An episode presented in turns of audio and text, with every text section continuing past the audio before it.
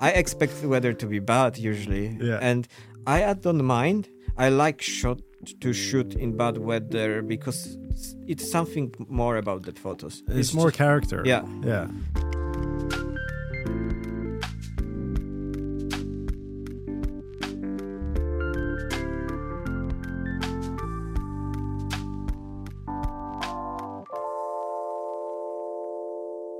Welcome back to a new episode of our podcast, Fotopodden. We're going to do this one in English because we have a very special guest with us today. He has uh, started living an outdoor life. It's inspirational to see those kind of people that make so like hiking and trail running and stuff like that as a hobby into work.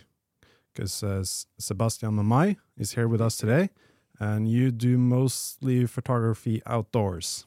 Yeah, that's correct. Yeah, trail running and hikes and ultra running as well. Yeah. Like, explain to us a bit how you work and your background and such. everything was like coincident i would Yep. say how i got where i am because uh, i was supposed to race tromso sky race uh, in 2019 and i broke my collarbone during cycling and i just knew my training just went to hell Yeah. and then i decided okay uh, i want to i still will go to tromso because i was already racing this race and it was fun then i wrote to organizers if I could uh, maybe take some photos.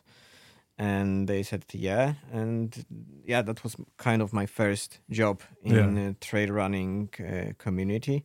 Then uh, on the Hamperokken, it was the time when Hillary Allen, one of the American athletes, got back to race it again because she had this uh, severe accident two years before when I was racing as well in 2017. She fell down in Hamperokken Ridge and she broke i think her skull i mean a lot of literally her, all her body was just destroyed but she decided to fight her demons that time Mm. and she got back and i took some photos of her and sold it to the north face and then i felt like oh that's actually cool stuff Yeah. Uh, and slowly i started to get into industry then one time a friend of mine who is working for Salomon uh, asked me if I want to do one mission with Bernd Marius. Uh, and I told them I want to do video and short documentary. And that was kind of the transition point when I was like, okay, I will push everything to just do this as a job. Mm. And now, then step by step, I moved to Romsdalen when the best athletes or one of the best athletes uh, leave. And yeah, slowly settled there.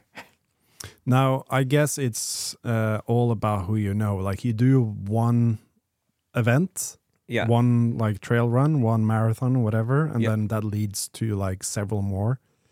Uh, it's about being there, I guess. I mean, uh, I, I thought about it how to like if someone would ask me how to start this type of journey, Yeah. it will be uh, first start with the events because that's how you easiest make your portfolio, but then slowly you will get to know the uh, best athletes as well. And that's where you can start exploring and ex- expounding your portfolio and start to work with the brands. like yeah. Because professional athletes have sponsors. Yeah. So they're required, I guess, to deliver certain images to, of a certain quality Yeah, exactly. from their runs and stuff. and often uh, like especially these days when you have uh, more video focused content instead of photo video uh, photo content you start to see more and more documentary style videos about the athletes about the normal people or ambassadors and i feel like you just like you start with the events and you slowly get to know people and uh, spread and you search for the stories and Yeah. for example Bernd Marius, that was inspiring because he was, uh, uh, I mean, he's one of the best free riders in Norway, but he lost his legs due to the accident on paragliding, and uh, he wanted to run seven mountains in Bergen without, like, in, as the amputee, uh, and that was already inspiring story. But it's like often you search for normal people who like I I have one story with girl who had PTSD that Yeah. is not really published yet, but is in process, and she wanted to run her first hundred miler, Yeah. and that was like for her it was fighting her demons because you're by yourself, is bad Yeah. weather and things like that, and I really feel like. Uh, these stories are very interesting for audience because you can reference yourself. It's harder to reference to, for example, Kilian because he's uh, like different level. Yeah. And you can't. And it's more interesting to watch someone who you're unsure if they're going to finish. Yeah. Uh, like a pro athlete, you know they're going to finish. you know, but it's like the Uh, Yeah. chances of them finishing is very, very, um, little. very, very high. Yeah, the chances of them completing the race is very, very high. I mean, and and also it's about like the like you said the journey to it as well and to see that progression i think that's also very very um inspirational yeah, to see someone going from not ever running that much to finishing like a marathon mile, or whatever. Because the progression is so extreme but to see someone do like uh do a do a marathon in less than three hours and then next time they do it in five hour no, two hours and 50 minutes. So they shave 10, 10 minutes off the marathon time. Yeah that's it's Uh, inspirational but it's not Yeah, too, it's not that much uh, progress. yeah Yeah, then uh, usually in these stories with normal people who started from 3K, you see so much progress and Yeah. their life change, It's- and and it's fun it's fun. I mean, it's fun, and I love to actually work with these normal people instead. I, I mean, I like to work with athletes because then you can do totally different things. Like Yeah. you can go to higher mountains, you can do to crazy terrain, and that's totally different story. But about like storytelling, I found uh, it's much cooler to work with normal human beings. Yeah. What do you like mainly base do now? Is it video or photo or both or I would say 80%, seven, 80, 70% will be video. yeah. And the rest will be photo. And how do you notice the difference of workflow when you're actually out shooting Yeah. like in trail runs and stuff? Is there which one's like tougher to do? Video.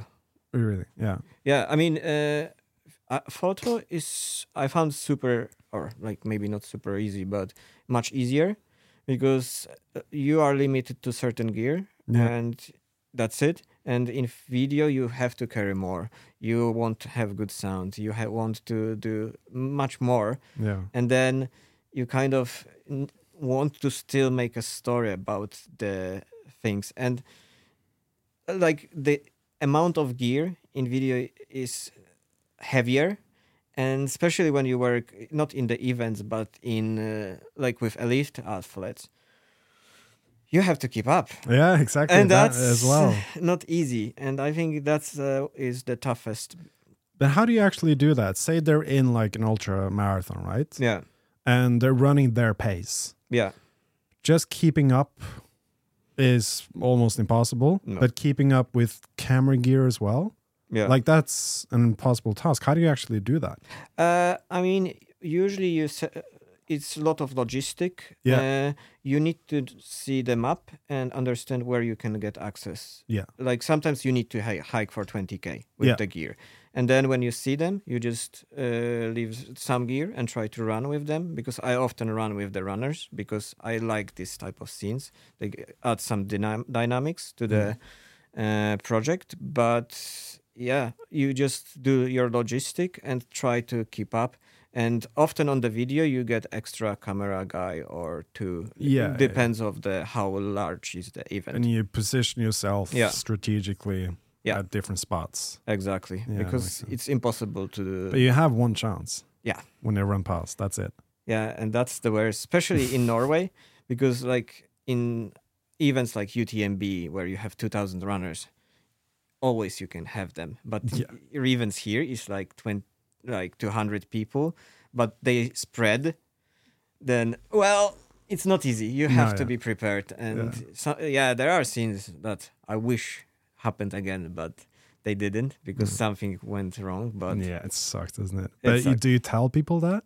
Uh, no, like- no, no, no, You just, just it's for you. I on, mean, yeah. there are scenes like uh, you just know, or even you don't say anyone, you know something wasn't recorded, for example. Yeah, yeah, And like video is great about that because you can kind of slide and tell the story in different way. Mm. Like you didn't record something, then you just search how I can end the story. Like because we had one event that we didn't record the uh, f- f- winners. yeah. and well we just did it somehow how different you just Yeah. edit in different way you end the event in different way yeah, yeah. Yeah you just play around You figure it out. yeah yeah, I've always admired people who are able to do that. You see that on like TV shows as well, like when they go on like massive expeditions and Yeah. stuff. Like the David Attenborough yeah series on TV, like to do this behind the scenes yeah and also like just capturing wildlife and you know capturing people running up in the mountains. You know, like it's there's no like uh t- there's no uh, camera van that you can go to. There's nothing. It's just you and you just have to figure it out. Yeah. What do you like how do you plan ahead in terms of weather conditions like enough batteries but not enough weight like with lenses and stuff like that? Uh like let's say maybe like for example when i was shooting with uh, Kilian for the first time uh, i knew that i mean uh, we talked about the project for quite some time and i knew where we wanted to be located. Then uh, i went to the location i think one or two days in advance just to locate where is the best light? Mm. scout location. Just know exactly what we'll do because as well it's it was like a ridge. Yeah. Then you need to move on the ridge with Mm. whole equipment like and you just need to be prepared. You also know his pace will be totally different and you need to go there in advance. Yep. then uh, what i do i go scout and then uh, I, lucky for me that day a friend of mine was assisting then i could take more gear with me because i had like 200 600 for some like long uh, scenes. And then some wider lenses and that also helps. Yeah. if you have assistant it's totally different story Yeah, but yeah, if you don't uh, you still need to figure it out. And uh, then you just tell him okay be this in this and this location at that time and uh, it's so much easier because then you have everything pre-planned. Mm. you kind of more or less know the light. But if you have like commercial work and it's based on the weather or it's not based on the weather but based on the date that can be tricky Yeah. because uh, we shot few commercial last year uh, for some brands and they expected that weather will be nice but Romsdalen last year was Well, there's no guarantees there was how can you guarantee it do you say that it was like well we you never know Mm, I, we know that will not be nice. I mean, I expect the weather to be bad usually, Yeah. and I don't mind. To be honest, I like actually. I mean, I don't like for myself, but I like shot to shoot in bad weather because it's- it's something more about the photos. it's, more just- character yeah, yeah and especially like Rondane uh, two years ago, it was like worst weather possible, just raining two degrees, and but the emotion on people's faces is just something yeah. totally like you feel it. You feel this pain. You feel how they struggle. You know, a lot of them will not finish, and when it's sunny and like blue uh, blue sky, it's just it's not too that- happy Too happy. no struggle No struggle. yeah And you don't you, want- don't the you the you don't see the struggle in the photo it just looks really nice Yeah, yeah and i think in this type of like photography especially like trail running ultra running you want to see suffering. And also you want i guess because if you go up and down mountains you get a nice variety yeah. of weather as well. Yeah. So it looks like a completely different event all of a sudden. Yeah. Yeah i mean uh, it can st- especially in the super long runs like 100 Yeah. milers you can start in 30 degrees and at the end it can snow. Yeah. And so I've seen it a few times. Yeah. It's like totally different, uh, and usually you have uh, like up to forty-eight hours, fifty hours to finish. And I always like I know the elite runners are wow, they did a great job, but I always like see this slowest one. They are the yeah, hardcore because they're ones. out there for a long time. Yeah, like two nights. Yeah, exactly. And they say, th- yeah, I've heard people say that as well. The elite runners that do like Ironmans and stuff. Yeah, For them, it takes maybe, you know, 10, 11 hours. Like, like people can finish in eight, nine, which is insane. Yeah. But you have those people that spend 16, 17 yeah, hours, like out there in the dark at the end. yeah, And that's in many ways, it's a lot tougher mentally. yeah. I mean, that's why I always admire this type of Yeah. people. Like you, there. Like there is one quote I can't remember who said that. It's never get easier. You only get faster, and that's so true. Yeah. then like just the faster like the elite ones they suffer the same Yeah. but shorter amount of time Exactly. i would say Yeah. and that's like hardcore And yeah, yeah, you have to think about that. Like their pace, uh, for you, maybe you do like double the time, yeah but it's still painful for you because you're going as fast as you can, Yeah. usually. But that's the fastest you can go. So the pain for you is the same. The same, just the elite longer. runners. It's just double the time.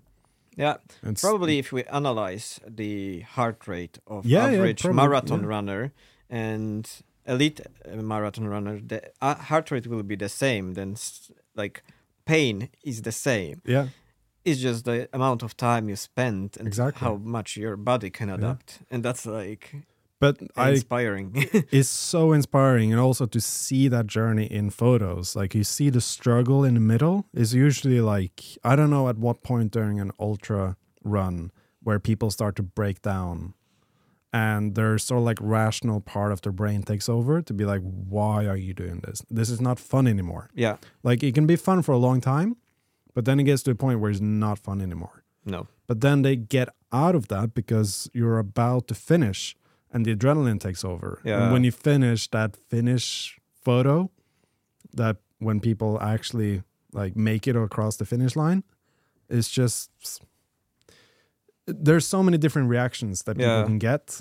It must be really cool to be able to capture that. but it's fun uh, like because as well there is like stories about elite runners i mean elite runners sometimes they don't finish when they feel like okay i will not win they Yeah. don't have this like sometimes they treat it as a job but Yeah, yeah. there was one adidas runner uh, she wrote about madeira a few days back uh, she wanted to call on her phone but the phone didn't work that she wanted to drop out Mm. and uh, for this reason she was like okay i will not win it. And she was like pretend she was super like you know in her head she should win because she was super sharp and everything. But she couldn't. And she was like okay i'm gonna drop. But at the end the phone didn't w- work and she like realized why she runs. It wasn't only for winning. Mm. and she decided to finish the race. And that is very inspiring because you see more and more common in elite athletes if they feel they will not win or be top let's say 5 they will drop Yeah. and that's uh, i think i lose like you can lose inspiration because Yeah. you see these people and then especially for a younger generation when they see them as the idols to drop it doesn't look that good No. then I f- wish the more elite runners keep on going to show it's not only a job. Yeah. It's something else. And also like finishing top five is still insanely impressive. Oh yeah, yeah. But I guess for them it's not. Yeah. Um, I've been to Norseman twice. Yeah. to Film, film the Norseman, the triathlon, and you see the finish line there. Like that's what I mean. Is like you see people finishing this like insane, extreme, tough triathlon, Yeah. and people are just like euphoric. They're they're like high on Yeah. And there's so many different reactions. The most interesting reaction is the pe- the the guy who finished second Yeah. because he in his mind he wants to Win. win. He's supposed to win. And then uh, when he gets to the finish line, there's no happiness in his face. There's no, No. like euphoric face. He's just exhausted because he's giving everything he's got and it someone was faster than him. Yeah. which is just like annoying. And sometimes we film interviews with the winner and like the top three. But I told uh, because I was there the year before and he came second the year before, and then this year as well he came second this year as well. And I told the woman that was like interviewing, was like he's not gonna want to do an interview. But she was like, "But second at Norseman, that's amazing." I was like, "Yeah, but he wanted to win." Yeah. And that's what happened. He came, he finished like no happy, like hands above his head, screaming like I did it. Nothing. He Yeah. just collapsed on the floor. Um, didn't respond to anyone. Just didn't want to talk to anyone. Just went into the cabin at the top of Gaustatoppen, and that was it. Yeah. like nothing. I was like, "Don't talk to me. I just I'm not happy with this." yeah. And then Yeah, because in their mind, they fought so much. And Yeah. They tried so much. and you you prep for months, Yeah, yeah. Or years. years to be able to do this. Yeah. and you think it's enough and you're leading you're doing good you're doing your best you're doing amazing and you are doing amazing Yeah. and then it's just like one person who just like runs past you Yeah. It's like. It's just like oh come on Yeah. you give everything and you see it at the finish line as well like people who just like they, they There was, uh, uh, but I think there was this year in Sierre Zinal, there was this finish. It was in- incredible uh, because you've seen Kilian didn't win, but he was like top five or I can't remember. But uh, this scene when he was so sure he just finished Mm. and he's like he has his place and some guy suddenly took his place at the end Oh, next to the finish line. I was like wow. Like imagine that happened to you yeah. for if you are on the first position that will be like this yeah yeah the guy will be destroyed. Yeah just celebrating too early. Yeah, Yeah. but that I mean, but as well the fights of females because I like you we see often guys and like how they compete and how they run, but I think like female women athletes they can really push to the Mm. like even more because I've seen so many hardcore finishes like they they tend to be better on ultras Yeah. right? Yeah. Yeah harder it gets or like longer distances yeah they can keep on going They for keep going, longer. yeah. I feel like females athletes in the long distances are so much better and somehow they can handle pain so much like inside them. yeah Like my girlfriend, she's like an ultra runner and when most people will like be like already destroyed or something, she's just keep Keeps on going, going. She, she just have this switch and like runs and you see like females doing it like Courtney Dauwalter Mm. she won i think some races even with guys like what Yeah. in anatomy way it shouldn't happen but in the but ultra is your mental game Yeah. it's not anymore about your physical condition but how long you can suffer I've heard people like hallucinating and stuff Yeah. when they do ultras. yeah Do you see that seen happening? ghosts Yeah, the sea I, I mean, it happened to me once, Oh, or not goats, but uh, I I had one ultra uh, that I saw something and it looks weird, and but uh, yeah, I heard people uh, people seeing Mickey Mouses and things like that. Uh, I had never like s- no, actually last week uh, I that wasn't me, but the other photographer. Uh, like one of the racers thought he's totally different person and he was talking uh, to him as to different person oh, really? yeah he and then he realized oh it's not him Yeah, yeah. I've heard of one. Uh, it was like a f- famous ultra runner.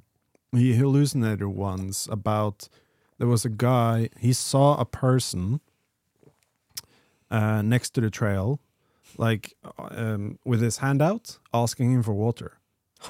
So he took his bottle, the only bottle he had, and poured all the water in the guy's hand.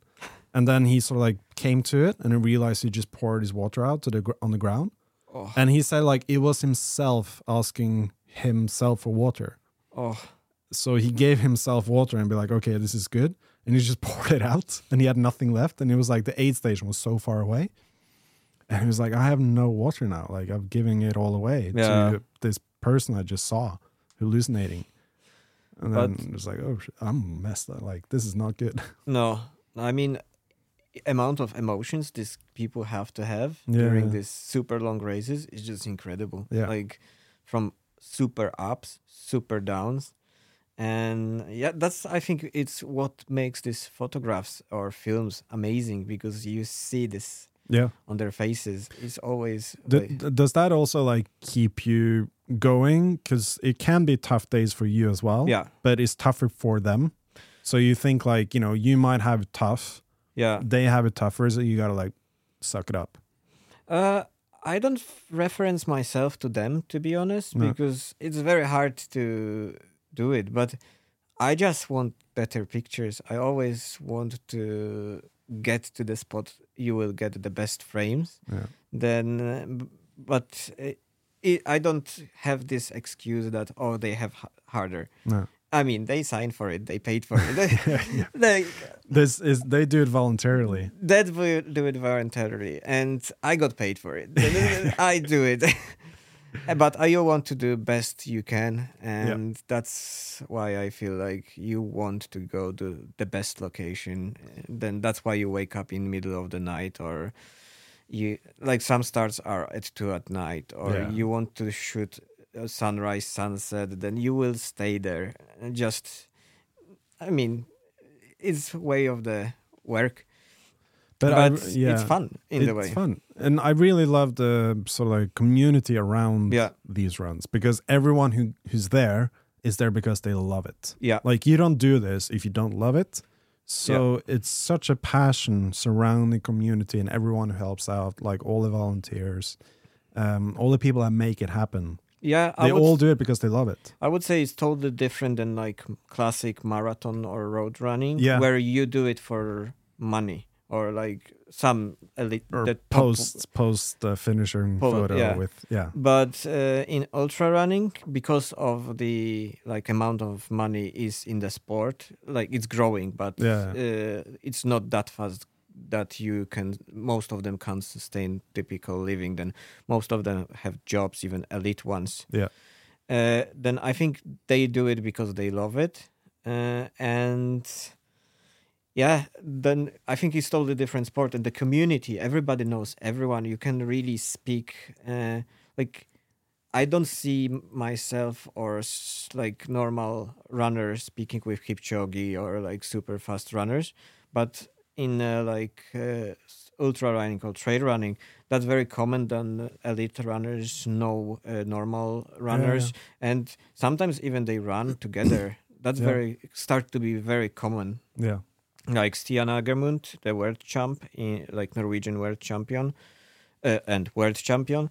Uh, he runs in these Bergen running groups, like with normal trail runners, and I found it like super cool that Yeah. in this sport you can hang around with world champion and doctors or I don't know cleaning lady, just wherever. yeah like everybody is equal. yeah it's kind of like that in triathlon as well i feel Yeah. except the elite level Yeah. it might be hard to get into that but um, there's a huge difference there as well based on the events like if you want to do an ironman it's like a festival Yeah. tons of people like thousands of people sometimes participate and it feels like a massive like music festival Yeah. yeah. but if you do like an extreme triathlon like either norseman or one of the other ones it's just a couple of hundred Yeah, and So it's a- everybody knows everybody. everyone almost. knows everyone and everyone's been like following each other's journeys to get ready and there's a facebook group for all the athletes who can like you know post like um you know if they want to do like a weekend retreat Mm. somewhere and trains for example so it's, it's a lot smaller and one of the things i noticed as well i don't know if you if that's the same in um like ultras and trail running but everyone no one's competing against each other except the top five right Yeah, so everyone wants everyone else to get to the finish line. yeah, And you make sure that if you can aid someone else somehow for them to be able to finish, you actually make that happen. yeah, yeah. I think uh, it's very common in ultra or trail running that people will help you, or Yeah. they don't. I mean, when you run for twenty something or forty hours, it doesn't matter if you run a few minutes later because No. you help someone. No. It just doesn't No. change anything. But uh, yeah, I think it's like uh, friendship. Yeah. And Yeah. also, you run with each other just to have Yeah. someone to talk to because it gets lonely. Oh yeah, Like all of a sudden, you meet someone and you have more or less the same pace. You're you're in this together. yeah, that's very common. Like Yeah. uh, you try to find someone and stick to these people, and you uh, run in the group because it's mentally easier. Yeah. And in Norway, it's not that common because in 160 kilometer uh, cars with 200 people, it will spread out. Yeah, yeah. It's just, but if you go to UTMB type of race where you have thousands of people, Mm. then it's so much eas like uh, I often speak with people who uh, race abroad. It's so much easier because yeah. they can speak to someone.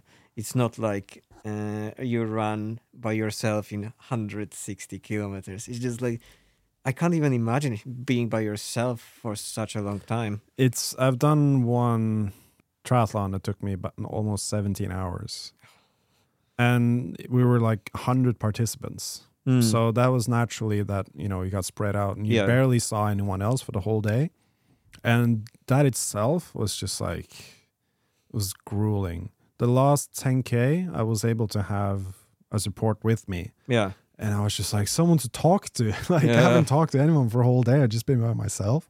No music, no communication with anyone. You meet them at aid stations on the bike and the run, yeah, but that's it. You talk to them for like two minutes, then it's like another two hours by yourself. yeah, Like riding your bike was just like in the like just nothing but forest everywhere.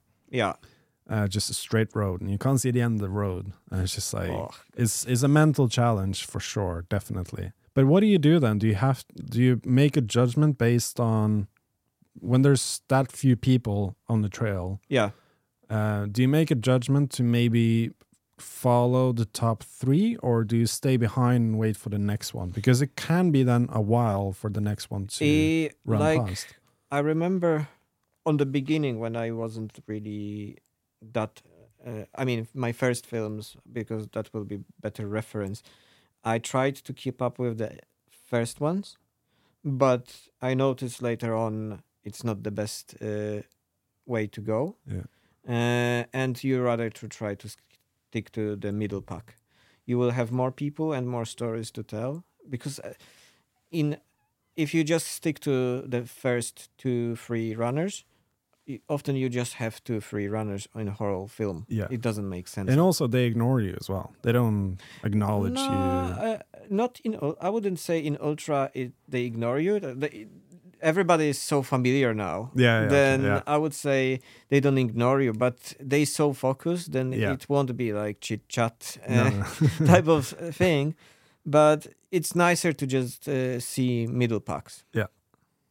and you have more chances to film more stories like always can something can happen and it's easier for you as well Yeah. like you just don't have to keep up and do crazy logistics because i remember one race the leader was so far ahead to the second and third place then we didn't know what to do because it Mm. just didn't make sense it was 100 miler but he had like two hour gap at the end or three hour gap on Wow. the finish line then you have to decide if you just follow him or drive there and back and it was a mess Yeah. then yeah i don't think uh, following the leaders as long nobody asks you it makes sense No. And do you have like they have a GPS tracking on them? I guess. sometimes not Yeah. always No. but often they do Yeah, which works half the time. Mm. or sometimes it not work doesn't yeah. work like uh, Rondane two years ago it didn't work at all No. it just was a mess we didn't know where people are and in this weather like raining it was so annoying for everyone because you want to at least see people but you sit and you're cold and it's raining and and you don't know if someone even is coming No, but it's just that that idea of like in the back of your head, I can like you're sitting there, you're sitting there. Okay, two more minutes, two more minutes, Yeah. two more minutes, and then you think like, if I start packing my gear now down, he's gonna come. Yeah. You just someone come. Uh, you hope for someone coming and just wait until Yeah. someone comes because Otherwise, you will be just pissed off. like you have to wait. Yeah.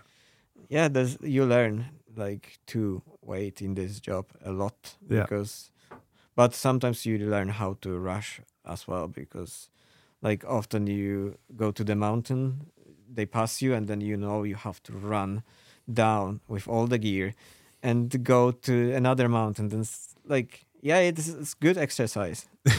Good exercise. You have to stay fit though, don't yeah.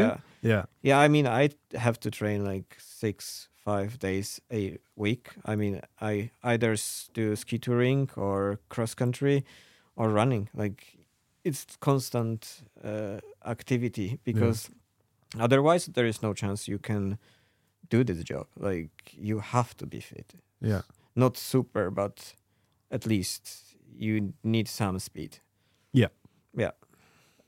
So some speed, some coordination. You have to love it. Yeah, Yeah, and you you to need to love the mountains Yeah. because they can be tough as well, like especially in bad weather. And you need to understand when it's safe, when it's not safe. Yeah. You need to kind of have this ability to understand what is going around you. But also like it's motivation enough, I think, for a photographer to see like we said, like bad weather is Yeah. more character. Yeah, So when you see the bad weather, you'd be like, yes, good photos. yeah, Someone else will see the bad weather and be like, nah, I don't want to go there. It doesn't look nice. Yeah. and you'd be like, let's go when it's bad. yeah. Because that that's more interesting. Yeah, I mean, bad weather for the photo. I mean, it's double-edged sword because you know it will be great photos, but you don't like bad weather anyways. But you know it's the day. Yeah. Then it's funny because I don't. I'm not the biggest fan of the rain, or I hate the rain. But live, especially living in where I live, then rain is so. You have to deal with it. But you have to deal with it, and that's it. You just kind of ignore it. You're used to it, but and especially on the events you want it in the way, but it's not like you are going smiling there in the rain. You just know you there will be something special, Yeah. and I think that's what makes this job as well more interesting. Because if you, it will be super easy. Everybody could do it. Yeah. Do you just do this or do you do other like commercial work as well? Or? I mean, uh, I do uh, commercial work. I mean, like I started with the events and then slowly transitioned to like short form docs and longer docs. Now I work with about uh, one longer documentary for Salomon uh, with one girl that ran this uh, hundred miler, and one longer doc with Kilian uh, skiing down the Brighton, first time in the history with David. They did this descent two months or Hmm. one month ago. Then we filmed whole interviews and everything. Then that will be probably published ma- maybe this or next year. And then I do also the commercial work for like outdoor brands like uh, VJ and uh, and Norrøna and some stuff for Salomon. Then you and Farah cycling, yeah. Then yeah, cycling is next thing that I want to explore, but Yeah. more MTBs because I found that could be staged. I mean, Mm. not staged, but you in especially in, on the mountain bikes, you can have like flashlights and everything. You can kind of do something cool because my background is actually originally in fashion photography. okay. Then when I think about uh, MTBs, I think, oh, how could I do it more commercial and looking different than this typical MTB photos? Yeah, yeah. Uh, And in, in terms of gear, like what do you usually pack in your Uh, backpack? I mean, for film, mainly uh, if it depends uh, if it's skiing or running. Yep. But if it's running, I would go for twenty four seventy because you j- it just covers everything. Yeah. And uh, if it's skiing, I, I will go uh, with extra. Uh, I think it's 200, 600. Uh, this big Sony lens. Well, it's yeah. I think it's 200, 600 yeah, because like a telephoto one. yeah, Yeah. because then you put it. Uh, you have two camera and you just have one on tripod. Maybe use drone for extra close-ups, because uh, especially like when you have this skiing scene, you can see these two little dots going up on Yeah, these yeah. ridges, and it just looks incredible. Then you feel the scale. Yeah, But exactly. usually on skiing, you try to have two people, uh, like one guy who will be filming from closer position, and someone shooting from distance because it's, skiing is much harder for logistic. yeah, I can imagine. And you have walkie talkies and stuff. I guess, yeah, to yeah, yeah. You yeah. need to have like communication Yeah. and. Uh, like avalanche equipment. I mean, like skiing is already more complex because you need to understand when you actually can go to the mountains, how to get there, how to get down because Yeah. that's not necessarily uh, that easy. Because uh, sometimes it's too you feel it's steep, you have equipment, and it it weighs ton and yeah, skiing is much harder to film, and Yeah. then you want to film uh, steady, then you probably need sh- use gimbal because it's not like running. You want this shaky movement because in skiing It's the flow. is the flow. Yeah. Then you don't want actually shakes anymore. Then yeah, it's more complicated. But I'm really like want to explore this part of filmmaking, like skiing videos or something in winter. But it takes time. yeah, interesting, man. Uh, what's next for you? Uh, next for me, next is to edit uh, these documentaries, and this year we decided uh, for Salomon whole season we will do instead of like running videos, every race video or most of them will have some sort of story with Yeah. one person there who will be the character. Then I don't know exactly what stories we have, but first story will be uh, we already filmed will be about a guy who had the stomach uh, like surgery and set up uh, the sadness ultra. He made the race. He had the panic attacks and everything. And now he's like bringing the community together. And it's just super inspiring. Mm. and last year he started to train ex uh, drug addicts who are sober now to race uh, one of the distances uh, of his like race festival i would call and she ran this year 23 kilometers which is Mm. pretty rough uh, because i would say sadness is one of the hardest races in Yeah. norway right now for the ultra or any distance because of the terrain you have even the mountains are not super steep or they are steep but not super high but they are su- super hard to run on Yeah. then it's very inspiring to see someone who had problems with his mental health helping others and you see this progression of the girl who had problems with her life and drugs and now she is back and giving something to community as well Yeah. Interesting. It's a natural high. natural high yeah, running, running in the mountains. running in the mountains, Yeah. being happy, being around people. And it was super actually inspiring to film this person because you saw she's down, but sometimes you see this uh, people who give up at the end, like they finish and like last kilometers they just walk. Yeah, And you saw she was still so mentally tough and she kept on running. Yeah. Like because last two kilometers you go on like flat section like bumpy uh, road but you can easily give up or not give up but you walk to the finish line Yeah, but yeah. she kept on going she Yeah, yeah. kept on running and that was so amazing to see and film then yeah then i would say more documentaries from my side that will be the goal for this year cool stuff, man. yes Well, I hope you have a really good summer. Get to see and explore a lot of mountains.